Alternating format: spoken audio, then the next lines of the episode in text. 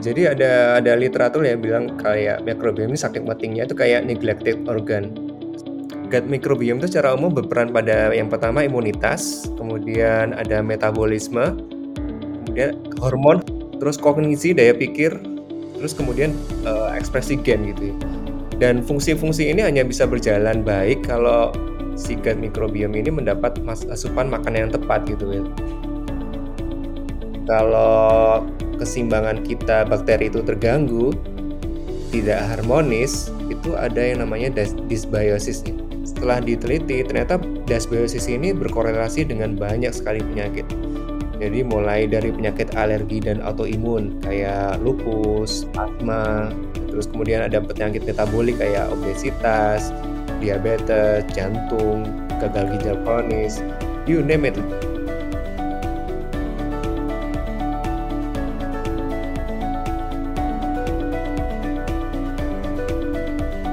Halo semuanya, selamat datang lagi di podcast Sehat Seutuhnya season yang kedua bersama saya Willy Yonas.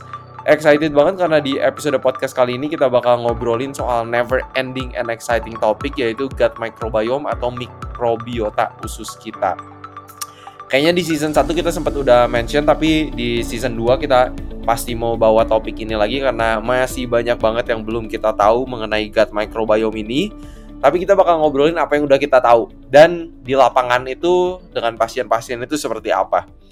Jadi seru banget karena hari ini kita bakal explore to topik ini dengan seorang dokter spesialis penyakit dalam, dokter yang langsung menangani pasien-pasien pasien-pasien di lapangan, bahkan pasien COVID-19 juga selama pandemi ini.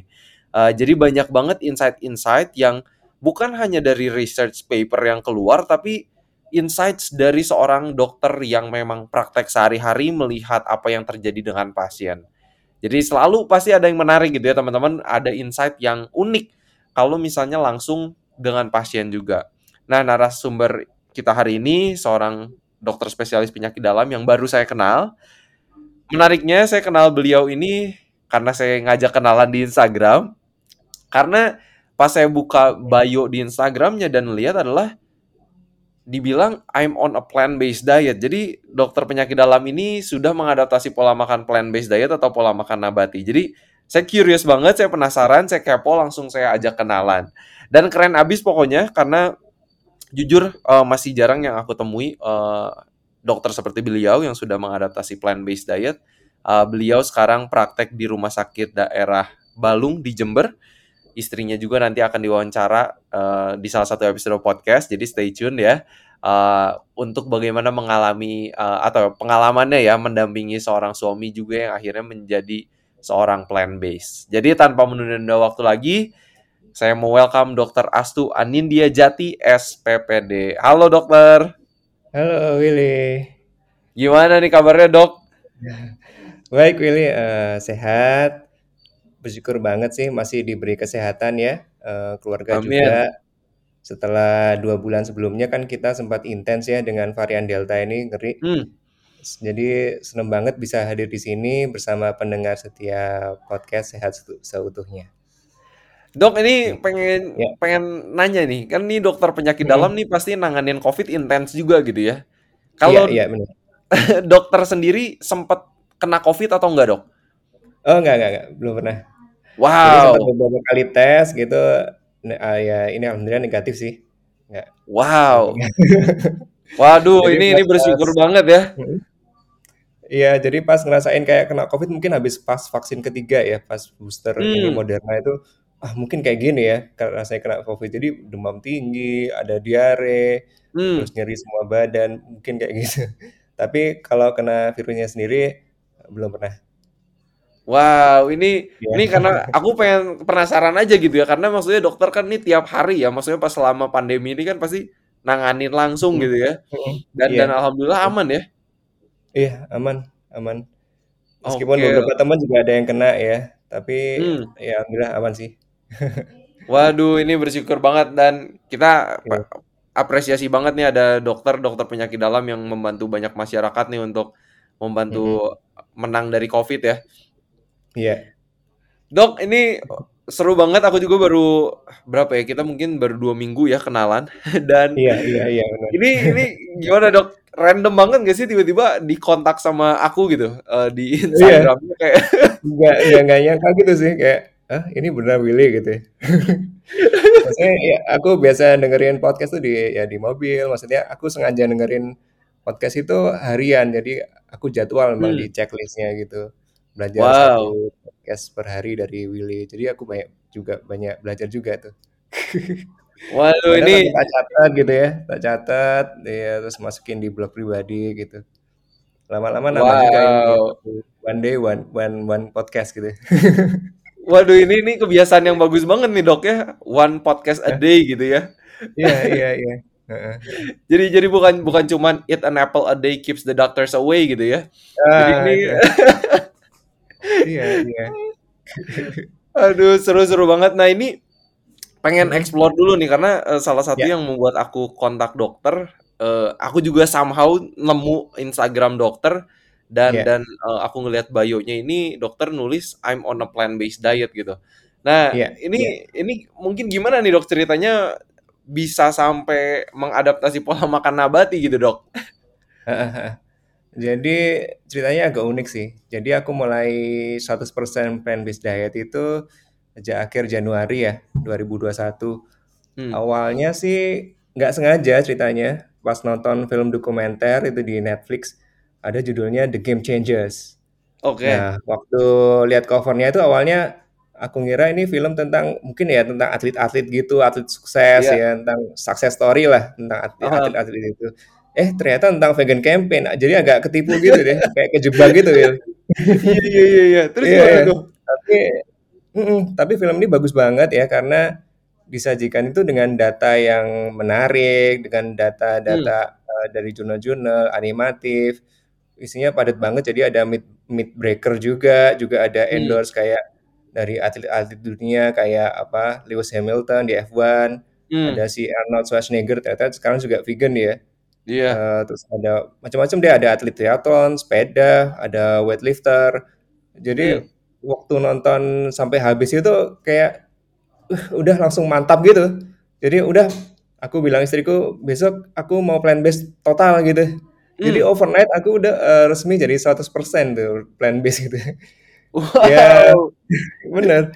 Jadi nggak pernah kepikiran juga sih ya kalau sampai sekarang itu masih bisa konsisten ya. Udah udah Hmm. Ber 9 bulan nih dengan plant based bareng istri juga.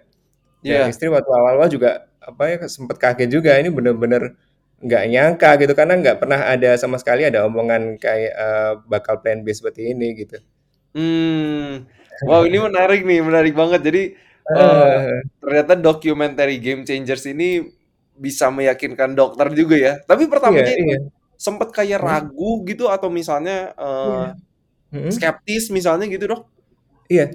Jadi aku sempat juga nonton film dokumenter ya namanya itu What the Health gitu. Hmm. Itu juga cerita juga kejebak juga. Tapi gimana ya? Penyampaiannya tuh kayak agak preachy gitu ya, agak-agak menggurui gitu ya. Hmm. Kan dikit-dikit kanker, dikit-dikit makan daging kanker, makan telur sakit jantung. Oh, pe- pertanyaan pertamanya nggak percaya gitu.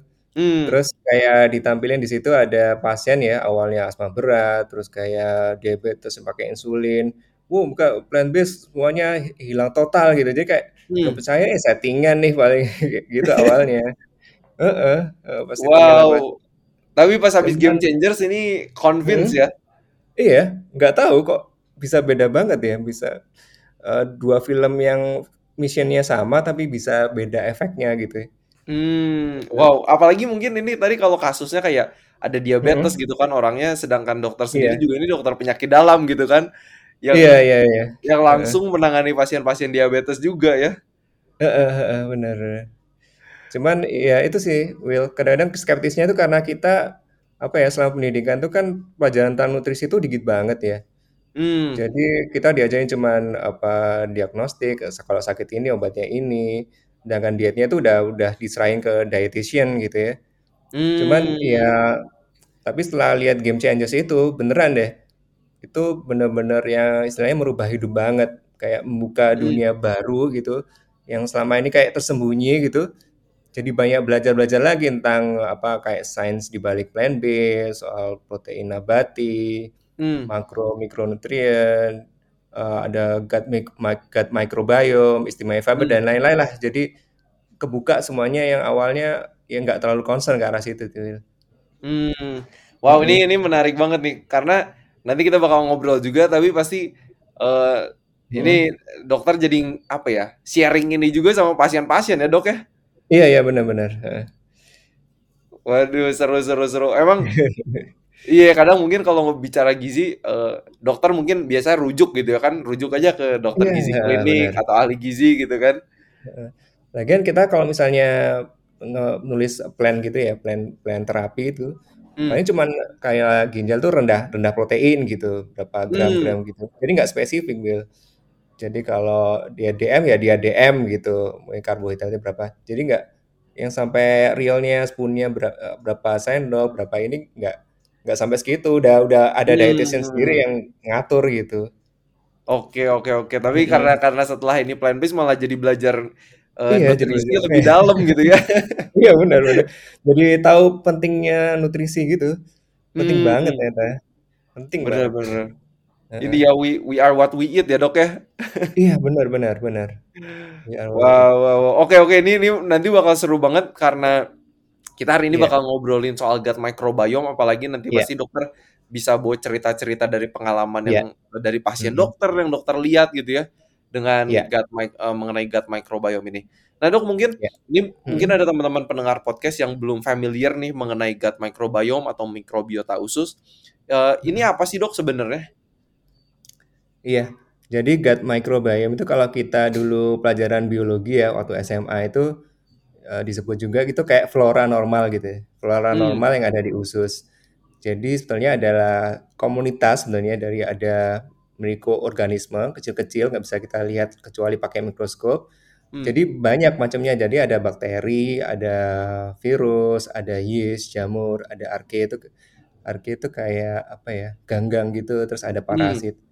Jadi mikrobiome ini nggak nggak cuman ada di usus, tapi juga ada di beberapa tempat lain. Jadi Hmm. kayak di mana kulit kepala, ada di permukaan kulit, Hmm. ada di vagina, rongga mulut, banyak lah hampir-hampir di, hampir di semua tempat.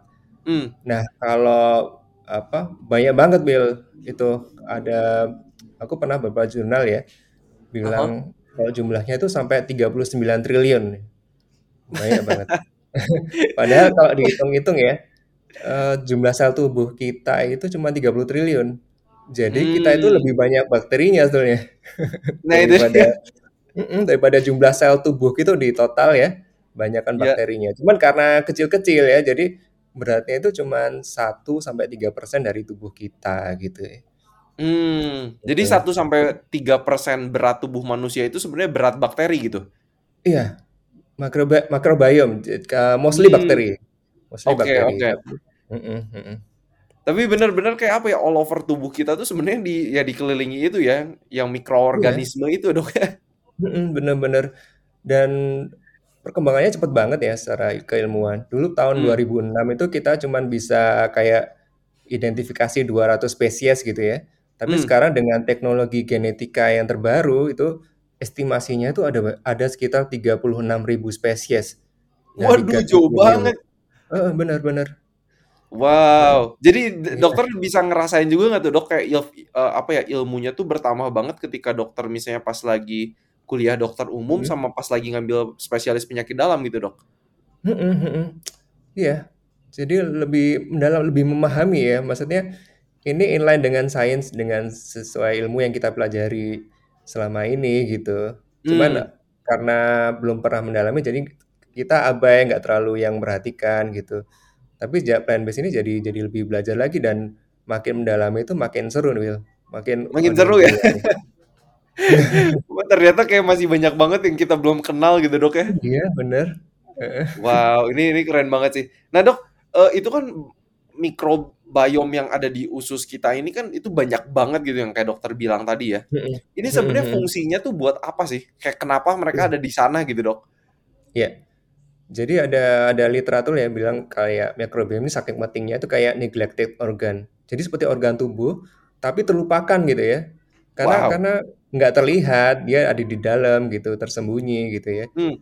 Tapi sebetulnya ada ada beberapa sih yang aku baca itu yang ada lima fungsi penting dari gut microbiome itu yang pertama dia itu untuk mencerna makanan, membantu mencerna Oke. makanan. Terus kedua itu menekan bakteri patogen atau bakteri yang jahat ya kalau bilangnya. Hmm. Terus uh, menstimulasi imun sistem, jadi ada hubungannya sama imun sistem. Hmm. Kemudian vitamin, kemudian ada dia melindungi sel epitel usus gitu supaya dia solid ibarat benteng supaya bakteri-bakteri yang jahat ini nggak mudah masuk. Ada lagi yang bilang Hmm. juga ada di bukunya Faberfield itu. Oke. Uh, jadi gut microbiome itu secara umum berperan pada yang pertama imunitas, kemudian ada metabolisme, kemudian hormon, hormon juga Will. Pengaruh Wow. hormon. Mm-mm. Terus kognisi, daya pikir, terus kemudian Hmm. uh, ekspresi gen gitu ya. Dan fungsi-fungsi ini hanya bisa berjalan baik kalau si gut microbiome ini mendapat mas- asupan makanan yang tepat gitu Will. Hmm. Oh ini ini apa ya ini kalau dibilang neglected organ eh, Mm-mm. mungkin karena itu ya karena fungsinya yang begitu banyak yang tadi dokter bilang gitu ya. Mm-mm, mm-mm. Dan banyak nggak tahu, nggak sadar. Kalau kita nggak belajar nggak sadar kalau fungsinya ternyata sebegitu banyak dan sebegitu vital gitu loh. Seperti Hmm. organ lain gitu. Benar benar benar. Ba- Bahkan tadi dokter bilang Hmm. kayak fungsi eh, kognitif kayak gitu kan ada gut brain connection. Em, Heeh. itu itu menarik juga gitu kan. Iya. Heeh, Ternyata ada hubungannya sama otak kita juga gitu dan Betul, wow. betul. Kayaknya nih ini masih banyak banget tuh kayaknya kita belum tahu ya dok ya mengenai gut microbiome ya. Iya, iya. Oke. Nah dok, kalau kalau ini sepenting itu ya tadi bisa mempengaruhi imunitas tubuh, Hmm. menghasilkan hormon-hormon juga. Supaya Iya. eh, ini apa aja sih dok yang mempengaruhi gut microbiome kita? Heeh. Eh, supaya apakah itu memperbaiki atau membuat eh, mereka baik atau merusak gitu? Kira-kira apa aja sih dok? Heeh. Jadi kalau bicara apa aja mengaruhi, kita sebaliknya kembali ke fase awal dari hidup kita ya. Jadi Hmm. waduh pada saat kita di kandungan itu kita itu masih sangat steril, jadi nggak ada kuman sama sekali. Hmm. Lalu kita kan dilahirkan ya, dilahirkan melalui jalan lahir, lahir normal nih, Oke. mulai berkenalan dengan bakteri-bakteri komensal yang di vagina ibu gitu. Hmm. Lalu eh, si bayi ini kan menyusui ya, jadi ASI Iya. ini punya peranan penting juga Will untuk pertumbuhan sangat eh, pertumbuhan awal-awal dari si gut microbiome itu. Hmm. Aku bahas sedikit tentang ASI ya. Jadi Oke. ASI itu punya komponen bioaktif yang ada namanya yang pertama itu human milk oligosaccharide atau HMO. Oke. Terus ada juga lactoferrin, ada secretory immunoglobulin, jadi kayak antibody gitu ya. Oke. Jadi kerjanya gimana nih? Jadi dalam ASI itu ada kayak bakteri juga yang namanya Enterobacter. Jadi ini adalah bakteri yang awal-awal menghuni usus kita, Will. Hmm. Dan Enterobacter ini kan eh, pertumbuhannya juga itu harus ditekan gitu supaya nggak terlalu banyak. Kalau misalnya terlalu banyak itu juga akan jadi sakit juga gitu. Nah, Oke. makanya di komponen ASI itu juga ada namanya yang tadi immunoglobulin, terus kemudian ada lactoferrin. Dia tuh fungsinya menekan pertumbuhan si Enterobacter ini supaya nggak terlalu banyak gitu. Hmm. Terus lain fungsi juga si HMO yang tadi human milk oligosaccharide ini juga menekan apa oh sorry menumbuhkan bakteri namanya itu bifidobacteria ya. Oke. Jadi bakteri ini juga punya peran krusial. Jadi jadi dia penting banget untuk regulasi sistem imun. Itu itu tentang ASI sih. Kalau Wow. faktor-faktor lain yang bisa mempengaruhi komposisi makrobiom itu seperti kayak kita konsumsi obat-obatan yang nggak tepat guna gitu Hmm. kayak antibiotik itu paling sering. Terus Hmm. ada lagi obat penghambat ini asam lambung kayak proton Hmm. pump inhibitor. Biasanya ak- akhirnya zol-zol gitu ya, omeprazol, lansoprazol itu golongan PPI namanya kalau kita. Terus Oke. ada, ada lagi juga kayak obat-obat nyeri. Ternyata obat-obat nyeri itu kan efeknya juga ke mukosa lambung ya, mukosa lambung, mukosa usus. Jadi Hmm. kayak ada luka-luka gitu, bikin luka. Dan luka itu jadi entry kuman untuk masuk gitu. Hmm. Sebenarnya aku juga pengen bahas tentang antibiotik nih, aku concern banget. Boleh, Jadi boleh.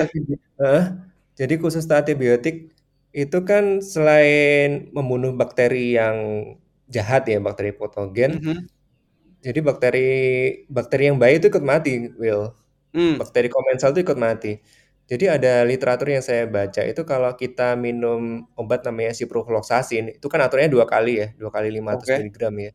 Itu selama lima hari, itu sekitar sepertiga bakteri kita itu udah mati. Bisa mati juga Sepertiga. yang ikut baik-baik iya. One third gitu ya, bilangnya. Wow. Heeh. Terus ada lagi kalau kita menggunakan misalnya sakitnya berat ya, terus ada tiga macam antibiotik yang spektrum luas, artinya Hmm. banyak yang dibunuh gitu. Empat hari aja itu dia bisa membunuh 9 spesies bakteri yang secara permanen. Jadi dia nggak tumbuh Wow. lagi, ada 9 spesies yang hilang gitu. Ya, Wow. antibi iya. Jadi an saya yang saya bikin concern antibiotik ini sering dipakainya itu sembarangan gitu. Jadi Hmm. kadang-kadang bisa diberi bebas di apotek, kadang-kadang di warung-warung itu juga ada loh, jual amoxicillin, ada jual tetracycline. Ja itu bisa memunculkan ada yang namanya bakteri yang kebal antibiotik gitu, Will.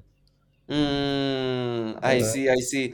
Nah ini makanya penting banget, maksudnya kalau dikasih antibiotik ini harus mengikuti anjuran dokter ya, Dok, ya?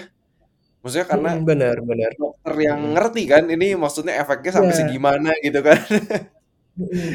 Jadi memang harus ke dokter, nggak nggak boleh sembarangan, nggak boleh kalau kita ini kan kulturnya tanya teman, tanya tetangga dulu, tubing dulu, pokoknya ke dokter tuh udah kayak jalan terakhir gitu.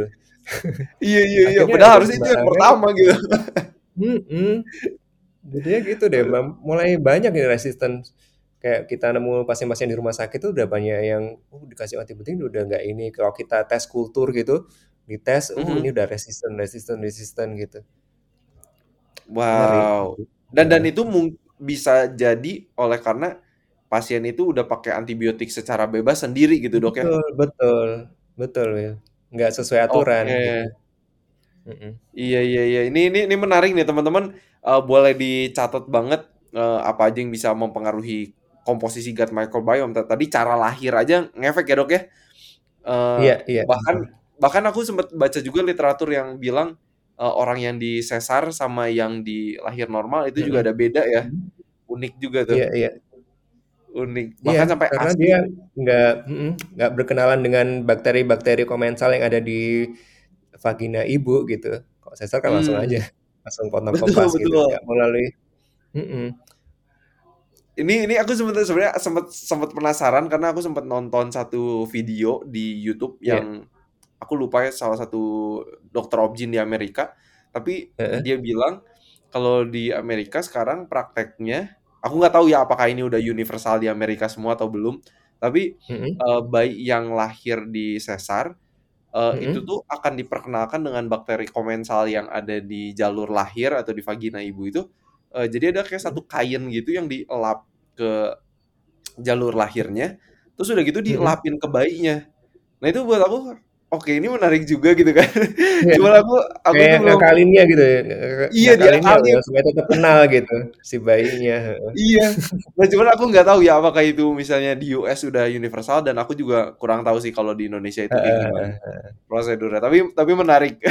Iya iya, idenya menarik juga itu. Aku baru karena itu, juga. apa ya, itu itu nunjukin aja berarti dokter obgyn ini kan udah sadar ya pentingnya Heeh. maksudnya bakteri yang dapat dari jalur Mhm. lahir gitu ya. Mhm mhm. Memang penelitiannya juga kayaknya mulai ke arah microbiome semua deh. Aku kalau dengerin apa, webinar-webinar tuh hampir semua topik tentang perlemakan hati lah, diabetes lah, selalu ada ada satu session yang dia tuh me membahas tentang gut microbiome gitu. Menarik, Oh wow. Menarik ya ini di simposium dokter-dokter aja semuanya mengarah Iya. ke gut microbiome gitu ya. Bener.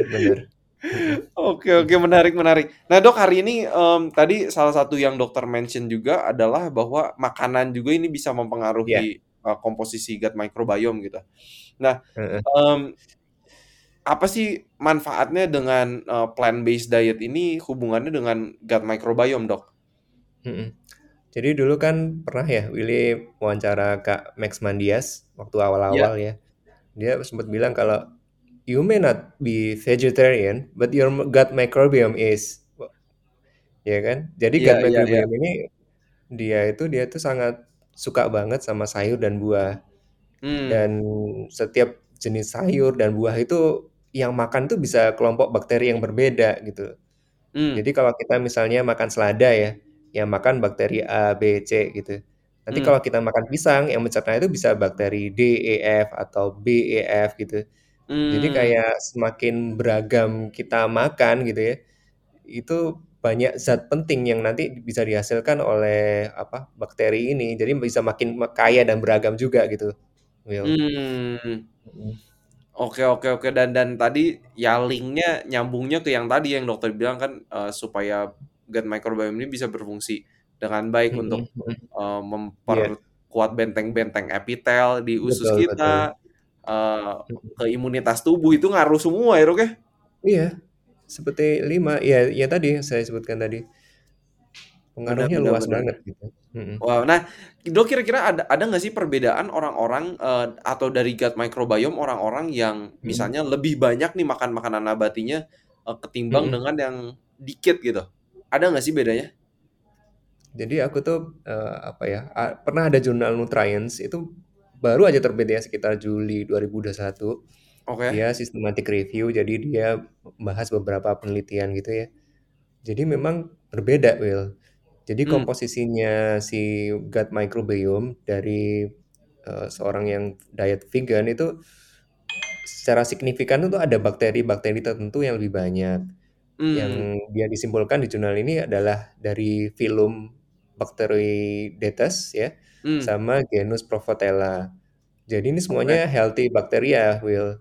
Jadi dia Hmm. memang punya tugas khusus gitu untuk apa namanya untuk mencerna dietary fiber dari mencerna yang makan buah sayur gitu.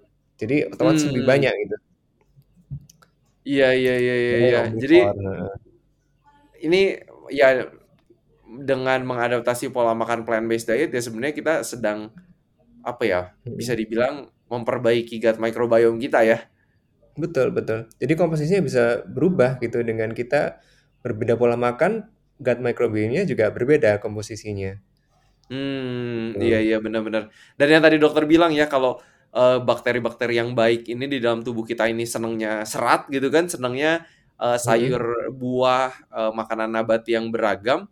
Kalau kita Iya. kasih mereka makan, mereka juga akan berbuat baik kepada kita gitu ya. Betul betul. Benar benar. Be Jadi ini benar-benar mutu Mhm, mutualisme ya. Betul betul. Nah Mhm. dok kalau misalnya ya, uh, yang kita tahu sejauh ini nih dok, uh, kalau misalnya komposisi gut microbiome-nya terganggu, ini bisa berhubungan sama penyakit apa aja sih dok? Tentang penyakit ya? Iya. Oh, banyak banget.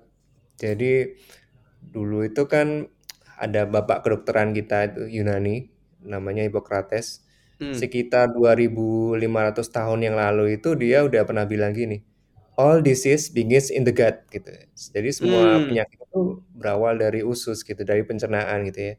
Hmm. Dan kalau kita sekarang tahu bahwa komposisi dan keseimbangan dari gut microbiome itu benar-benar krusial untuk kesehatan kita gitu. Hmm. Dan kalau keseimbangan kita bakteri itu terganggu, tidak harmonis, itu ada yang namanya dis- dysbiosis nih. Hmm. Jadi dysbiosis itu kalau uh, antara bakteri komposisinya itu tidak seimbang lagi. Dan Hmm. ternyata setelah diteliti, ternyata ber, dysbiosis ini berkorelasi dengan banyak sekali penyakit. Jadi mulai dari penyakit alergi dan autoimun kayak lupus, Hmm. asma, alergi makanan, rheumatoid arthritis, terus kemudian ada penyakit metabolik kayak obesitas, diabetes, jantung, gagal Hmm. ginjal kronis, you name it. Jadi apa eh, banyak banget termasuk penyakit hormonal, ada penyakit mental kayak skizofrenia, banyak banget. Dan Wow. kalau benar kalau kita makan cukup serat itu ya, which is dari sumber nabati itu, Hmm. serat ini nanti akan diolah oleh bakteri menjadi menjadi apa ya namanya itu short chain fatty acid. Jadi Hmm. kayak asam lemak rantai pendek gitu, Will. Hmm. Mhm. Fungsinya apa tuh dok? Jadi ada tiga macam, namanya SCFA ya kalau kita singkat itu. Yang Aha. pertama butirat, ada propionat, ada asetat gitu. Jadi Hmm. tadi yang penting salah satu fungsinya itu kayak dia menjaga permukaan usus kita itu tetap kuat gitu. Hmm. Soalnya kalau misalnya lapisan ini jebol gitu, yang ada yang namanya leaky gut ya, jadi Hmm. bocor gitu ususnya, dan bakteri jahat kan masuk ke dalam pembuluh darah ya, ke dalam Hmm. usus gitu. Dia itu mengeluarkan racun namanya itu kayak sep- namanya endotoksin. Nah ini Hmm. yang yang bikin gara-gara salah satunya adalah endotoksin ini. Endotoksin itu bikin sel Hmm. imun kita kacau, tidak terregulasi dengan baik, namanya disregulasi ya. Jadi kalau imunnya berlebihan tuh jadi autoimun, kalau imunnya kurang jadi infeksi. Akhirnya kera- Hmm. kayak keradangan semua gitu di di mana-mana. Dan itu mengganggu Hmm. mulai semua dari metabolisme, hormonal, kognitif gitu ya. Itu kalau Wow. kita makan dari nabati, Will. Nah, yang jelek lagi kalau kita makan daging. Kira-kira apa, Will? Pada jadi jadi Jadi bocor kalau ya. Heeh, jadi kalau kita makan daging itu kan komposisinya berbeda ya. Jadi Hmm. kayak bakteri-bakteri itu yang ngubah dari kayak protein itu dari eh, dalam daging kayak L-carnitin, ada kolin, ad- Hmm. itu dirubah sama bakterinya ini itu kayak jadi amin, golongan amin, sulfida, ada yang paling Oke. terkenal itu TMAO, Will. Hmm. Jadi TMAO ini ternyata dia itu berhubungan dengan peningkatan risiko penyakit jantung, stroke, Alzheimer, gagal jantung, gagal ginjal, sama diabetes tipe 2. Hmm, banyak banget Mm-mm. hubungannya. Wow, ini ini beda banget ya. Sedangkan kalau misalnya kita makan makanan nabati yang berserat, kita ini lagi mempererat dinding-dinding usus kita. Tapi Iya. justru ini malah kalau kita makan daging ya TMAO ini ya yang bisa Mm-mm, merusak mm-mm. pembuluh-pembuluh darah kita. Dan tadi yang menariknya Iya. mungkin yang dokter bilang juga soal leaky gut ini ya, yang mungkin usus bocor gitu ya. Ini ini kan ini bocornya mikroskopik ya dok ya. Iya. Jadi jadi nggak maksudnya kayak ususnya literally jadi kayak bolong gitu ya. Cuman Iya, iya, kalau di benar. Kecil banget, tapi itu udah bikin kuman sudah cukup masuk kan berapa mikron gitu ya ukurannya. Hmm, jadi nggak sampai lubang besar gitu, jadi mikroskopik benar. Dan Mm. ngerinya kayaknya yang dokter bilang ya, maksudnya kayak ketika bakteri yang jahat ini bisa masuk ke pembuluh da- eh, ke peredaran darah kita, kalau udah masuk Mm-mm. peredaran darah kita, darah kan di ya diputar ke seluruh tubuh gitu kan. Jadi sistemik itu yang akhirnya jadi sistemik ya. Iya. Mm-mm. Oke, oke ini ini menarik nih. Dok, nah ini pengen pengen nanya juga ya karena tadi eh, kalau misalnya udah endotoksin itu bisa masuk eh, ke Iya, peredaran darah ini juga bisa mengganggu imunitas tubuh gitu ya. Ini iya. gimana sih dengan COVID-19 gitu, Dok? Eh, karena COVID-19 juga kan ini eh, ya yang kita tahu ya mungkin eh, terjadi kayak badai sitokin gitu kan, inflamasi, pre- imunitas tubuh berjuang lah ya. Tapi kira-kira ada Mm. hubungannya nggak sih dengan gut microbiome kita, Dok? Eh, jadi terangin dulu ya. Jadi virus SARS-CoV itu kan paling suka itu nempelnya di reseptor namanya S2 ya. Oke. Jadi reseptor ini tuh paling paling banyak tuh di paru-paru, juga di pencernaan. Sehingga sering kali timbulnya keluhan juga di situ di paru-paru. Kadang kalau misalnya nempelnya di pencernaan ada diare, gangguan pencernaan gitu ya.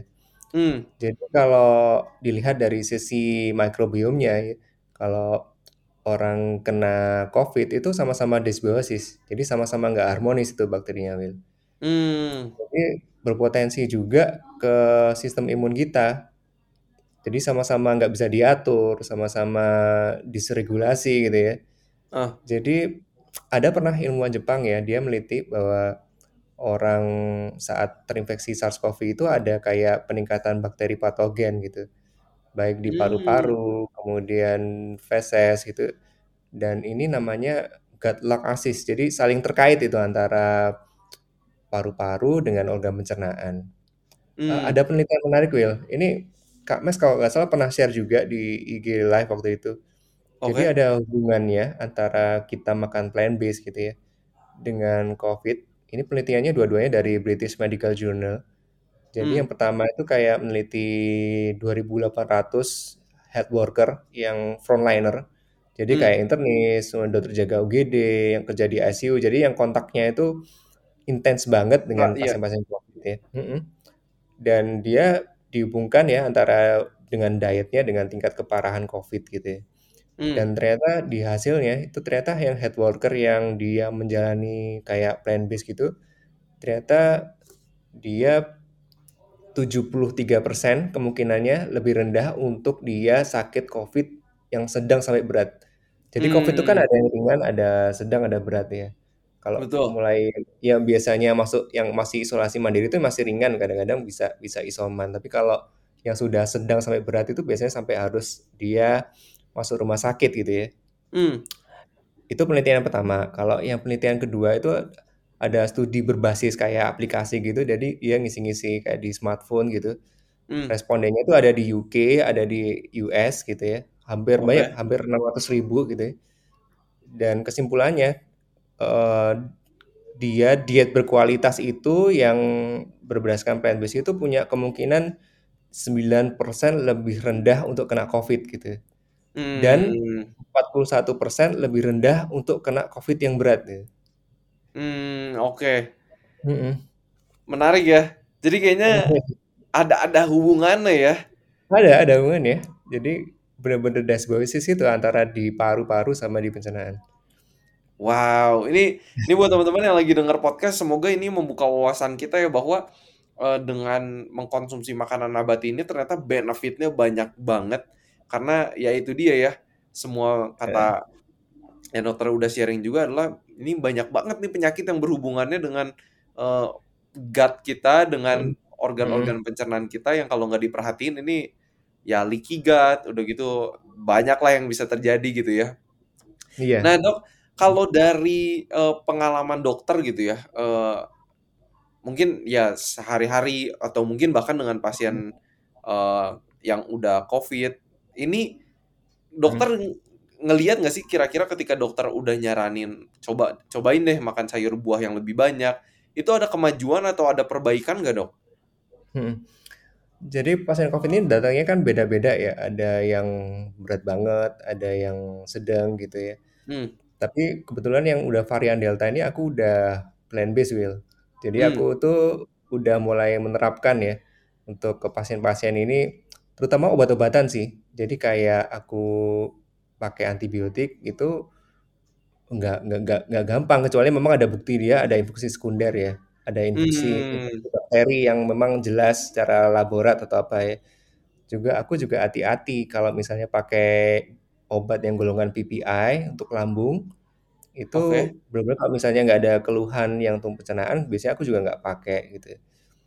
hmm, Dan untuk nutrisi, kan nutrisi itu ada kayak kan nggak mau makan ya biasanya susu, susu pakai susu ya gitu. betul Tapi aku betul, pilih ada beberapa nutrisi yang dia memang berbasis ini eh, soya.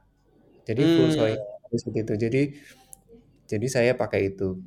Cuman ya memang hasilnya memang bervariasi ya. Maksudnya ini memang perlu kayak ada riset sendiri hmm, Jadi mana yang kayak studi ya, mana ini yang eh, awalnya dietnya belum sempat sih Will. Waktu itu udah hektik banget. wah pasti Cuman ya, aduh memang hektik mm, banget, eh, jadi variatif juga hasilnya. Jadi belum sempat aku lihat hasilnya misalnya yang ini udah pakai plant based kemudian hasilnya baik atau apa. Cuman aku hmm, ada mungkin selain COVID ya, aku ada pengalaman juga ada pasien itu dia itu punya keluhan nyeri, nyeri perut gitu. Terus oke, diperiksa mhm, diperiksa pakai penunjang seperti CT scan, kemudian USG, kemudian udah periksa ke mana-mana itu udah hampir setahun. Kebetulan hmm, dia nakes juga, Will, jadi bidan juga.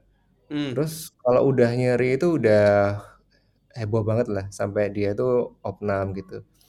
Terus suatu wow, ketika suatu ketika saya juga yang rawat si Mbak ini, eee, lalu aku ubah dia pola makannya itu.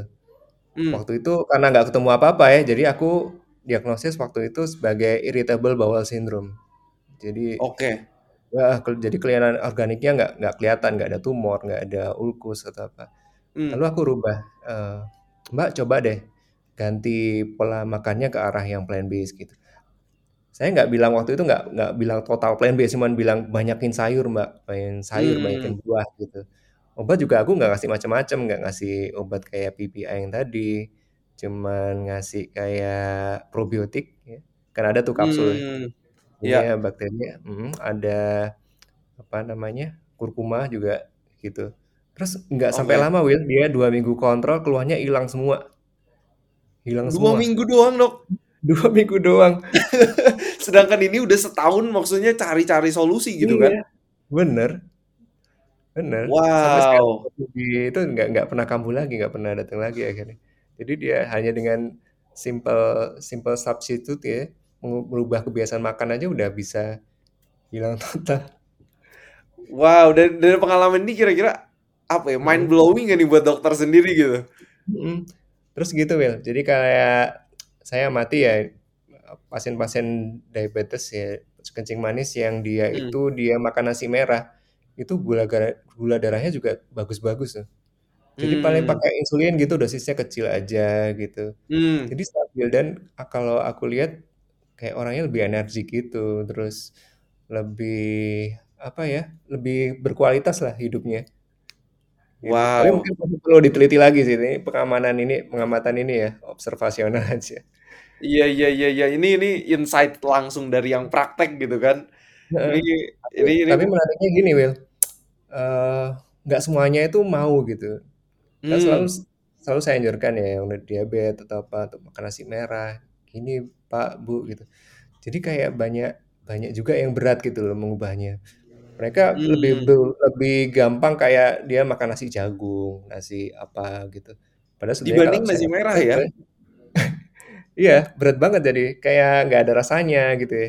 Mmm. Terus mereka prefer ke nasi jagung, tapi hasilnya sama aja kan kalau aku lihat sebetulnya kalorinya nggak nggak jauh-jauh beda. Mmm. Oke Iya oke oke. Men menarik menarik. Aku aku sempet sih nasi jagung, tapi aku aku sempet cobain tapi aku kayak, eee, aduh kok kayak kayak kurang enak ya. Kalau aku sih lebih prefer nasi merah ya. Iya iya, bener. Tapi itu nggak tahu ya tiap orang tiap mhm. orang beda-beda ya lidahnya ya. Heeh heeh. Dulu aku awal-awal juga juga kayak gitu, agak yang nggak enak, tapi aku dapat nasi merah yang organik itu yang ternyata ena enak juga gitu Nggak jadi nggak nggak apa Mmm. ya, jadi enjoy aja gitu makannya. Betul betul betul. Nah kalau aku sih di rumah kebiasaannya adalah untuk campur nasi merah dengan nasi hitam.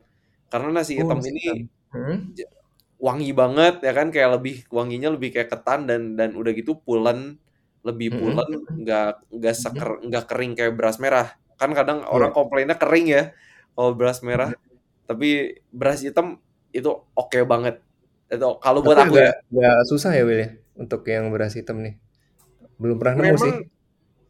Nah aku kalau di Bandung sih nggak susah, kalau di Heeh. Bandung. Eee, walaupun biasanya dia dijualnya yang apa yang yang 5 kilo 5 kilo gitu ya, yang yang kecil-kecil gitu ya, 5 atau. 10.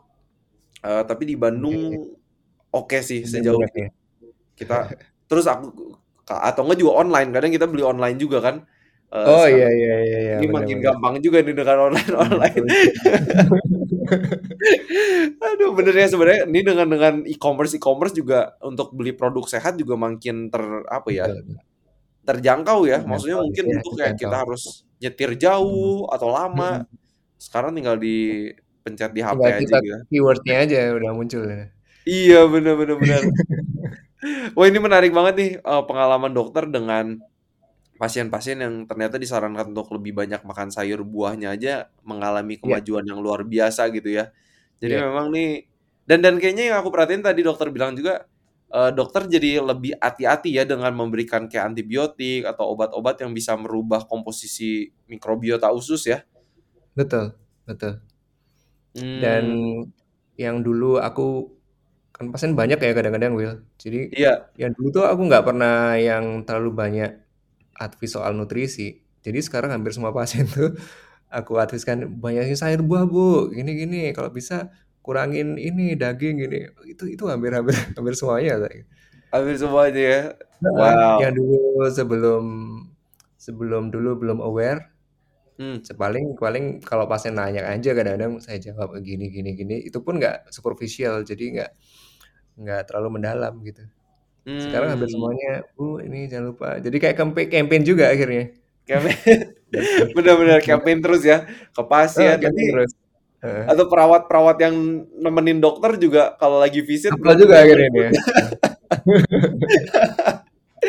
Aduh, bener bener. Seru dan karena kita nggak tahu ya ternyata kalau misalnya ada satu pasien yang ternyata mem mempraktekkan dan ternyata membaik Mhm, gitu kan, mhm. eee, ya itu rewarding sih, Dok, ya. Iya. Iya, benar. Itu rewarding. Wow, ini keren keren banget, eee, ada dokter kayak Dokter Astu, kita lebih perlu lebih banyak dokter kayak Dokter Astu juga nih.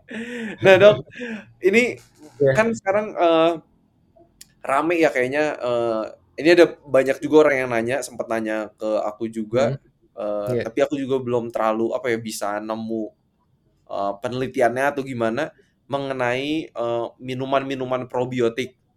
Eee, mhm, kayak kombucha lah ya, karena ini ini sebenarnya kan itu kan minuman yang mengandung bakteri, eee, dipikir untuk me membuat komposisi bakteri kita ini lebih diverse, lebih beragam gitu kan. Tapi mhm, sebenarnya ini tuh membantu nggak sih, Dok? Atau sebenarnya bakteri-bakteri itu ketika misalnya kena asam lambung di lambung kita itu udah mati duluan gitu atau gimana sih, Dok, ini? iya. Jadi kombucha itu kayak sebetulnya teh yang mengalami fermentasi. Mmm, Jadi itu kayak hybrid gitu, Will. Jadi dari ada bakteri juga, ada dicampur juga beberapa jamur gitu ya. mmm, Jadi isinya benar probiotik gitu, hampir sama kayak mungkin yo yogurt, ada masakan kimchi gitu kan, iya. basisnya fermentasi. Cuman kalau penelitian-penelitiannya kalau yang human study ini masih dikit banget, Will. Jadi kebanyakan Ah, heeh, jadi kebanyakan masih animal study, kemudian, eee, studi in vitro gitu ya. Mmm, Jadi ada satu penelitian memang memang probiotik punya potensi untuk menstimulasi gut micro microbiome gitu. mmm, Tapi untuk memproduksi, apa namanya, postbiotik, efeknya gimana gitu, masih masih terbatas gitu Will, untuk yang studi ah, vitronya. Dan juga kita nggak boleh serta-merta menelan data ya, maksudnya harus hati-hati juga, maksudnya nggak asal minum. Karena mmm, beberapa laporan ada loh yang efek sampingnya lumayan berat, kayak reaksi alergi, kemudian ada kayak toxic hepatitis. Soalnya kan ada ada jadi alkohol juga tuh Will. Ada beberapa menjadi alkohol ada oh. kandungan alkoholnya sekian persen, memang nggak banyak. Terus ada juga kayak mual muntah, ada babung ginjal akut, tap tapi memang studinya karena sangat-sangat terbatas, jadi masih belum bisa disimpulkan tentang obat ini Mmm, bio eee, farmakokinetiknya gimana, farmakodinamiknya, cara kerjanya gitu memang masih masih sangat terbatas. Tapi secara umum penelitian-penelitian punya potensi gitu, untuk bisa men menstimulasi gut microbiome gitu. oke, tapi menarik ya udah ada lapor-laporan juga yang dilaporkan case study karena ini ya, karena konsumsi kombucha ya? Iya, beberapa Oke udah oke mulai diteliti, tapi kok lihat di PubMed gitu belum terlalu banyak. Nggak tahu Willy mungkin Belum pernah baca. Aku juga justru nyari-nyari nih masih susah gitu. Iya iya, Jadi jadi menarik sih, eee, karena mungkin mungkin yang lebih kalau udah tahu kita butuh, eee, misalnya udah menggunakan antibio bio biotik dan dan perlu dibalikin nih bakteri ususnya mendingan, eee, mhm. kapsul probiotik gitu, Dok, ya, ke dokter penyakit dalam terus Mmm, probiotik atau atau gimana nih? Heeh, jadi kayak kapsul itu kan keuntungannya dia ada kayak selaput selaput kapsulnya gitu ya. Jadi dia Ah, bisa memprotek asam lambung. Jadi di dia bisa bypass asam lambung sehingga dia bisa keluarnya itu pas di di kolon, pas di usus halus gitu intestine. Jadi dia memang lebih diprogram. Iya iya Banyak iya, bukunya, bener. juga banyak isinya juga. Tapi sayangnya juga studi-studi yang terus kemudian, "Oh ini the the best the best drugs," itu masih belum ini. Anehnya itu gini Will, jadi beberapa studi tentang probiotik itu kadang-kadang bakteri yang sudah ada di usus itu merubah komposisinya lagi, nggak jadi kadang kadang-kadang nggak ngaruh juga, soalnya bakteri ini akan dimatikan sama bakteri yang di kolon juga gitu. Hah, menarik juga. Jadi mereka membuat keseimbangan sendiri, jadi nggak nggak nggak selalu gitu. A mungkin ada yang bereaksi, ada yang enggak gitu. Jadi sulit ya kita ngamati untuk obat-obat yang probiotik ini. Tapi tetap ada oh, potensi ke arah situ. Mhm. oke oke oke, Jadi the tapi best way the best way adalah memberi ma memberi mereka makanan serat itu, itu udah udah fiber paling gitu. terbaik ya? Dihubungkan namanya prebo prebiotiknya. Jadi yang seb sebelum jadi probiotik gitu. Sebelum diolah Hmm. oleh probiotik menjadi postbiotik. Jadi prebiotiknya aja dibanyakin gitu. Oke oke yang oke oke. Ini ini menarik ya karena karena ya aku juga suka denger gitu ya orang kayak, "Wah coba ini minuman probiotik yang oke nih apa dan lain-lain," tapi jarang yang mengkampanyekan, "Yuk lebih banyak makan sayur buah," gitu kan. Karena Mhm sebenarnya itu kan solusi yang day to day kita bisa lakukan gitu kan ya. Iya Kita iya. makan 3 kali Heeh. sehari, ya 3 kali sehari juga kita memberi makan gut microbiome kita gitu, Dok, ya. Mhm mhm. Dan juga kayak Oh. enzim ya, Kak, kalau kata Euromycin-nya itu kalau makanan fresh, segar gitu juga ada kandungan enzimnya. Jadi Hmm. udah satu package dengan dengan sayur buahnya gitu. Kalau dia ob bentuknya obat kan cuman probiotiknya aja, tapi lain-lain Mmm. kayak kandungan vitamin, antioksidan, polifenol kan nggak ada, gitu. betul betul. Jadi emang Heeh. kalau makannya dari makanan asli ya kita dapat full paket lah ya. Full paks, iya bener, paket lengkap lah. Paket? Paket lengkap, paket hemat lagi, Dok, ya. Karena harusnya lebih Iya. murah nih. Iya, benar benar. Aduh, bener banget. Dokter, kira-kira tips buat dokter, eee, buat para pendengar podcast, eee, mengenai gut microbiome ini apa nih, Dok? Iya. Jadi gut microbiome ini sebenarnya kan kawan kita sejak lahir ya. Jadi Mhm. kalau kita baik ke mereka, mereka pun juga akan baik gitu. Jadi Mmm. kalau sebenarnya kalau teman-teman pengen belajar lebih banyak gitu ya tentang gut microbiome ini, aku boleh rekomendasi buku ya, Will, ya.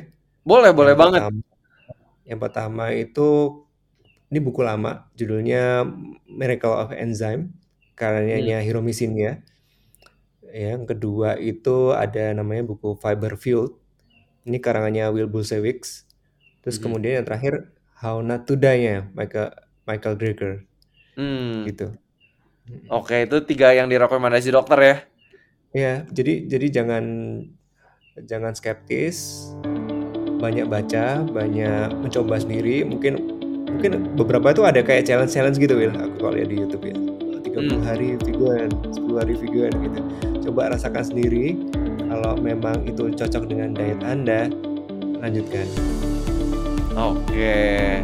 Luar biasa banget Dokter Astu ini teman-teman. Kita, eee, terberkati banget karena kita bisa undang Dokter Astu, eee, dokter spesialis penyakit dalam yang pastinya sibuk tapi masih menyempatkan waktunya untuk rekaman podcast. Thank you banget dokter, eee, dan Iya. pastinya ini diundang juga untuk episode-episode lain karena ini penyakit dalam ini nyambungnya banyak banget ya, Dok, ya. Kayaknya masalah luas penyakit ya, dalam ini luas banget. Kemarin aja udah ada yang request, eee, mengenai liver dong katanya gitu kan. Ini Oh SGOT, gitu gitu, SGPT oke. naik nih artinya apa sih? Nggak pernah ngerti gitu kan. Jadi heeh. kayaknya kayaknya seru banget karena di episode 1 eh, di season 1 juga kita belum pernah bahas, eee, mengenai liver. Eee, tapi Iya. ada, pendengar-pendengar yang udah request nih, mulai request. Jadi dokter, kita appreciate banget atas waktunya. Dan buat teman-teman Iya. yang lagi denger podcast Sehat Seutuhnya, seperti biasa harapan saya semoga kita sehat seutuhnya.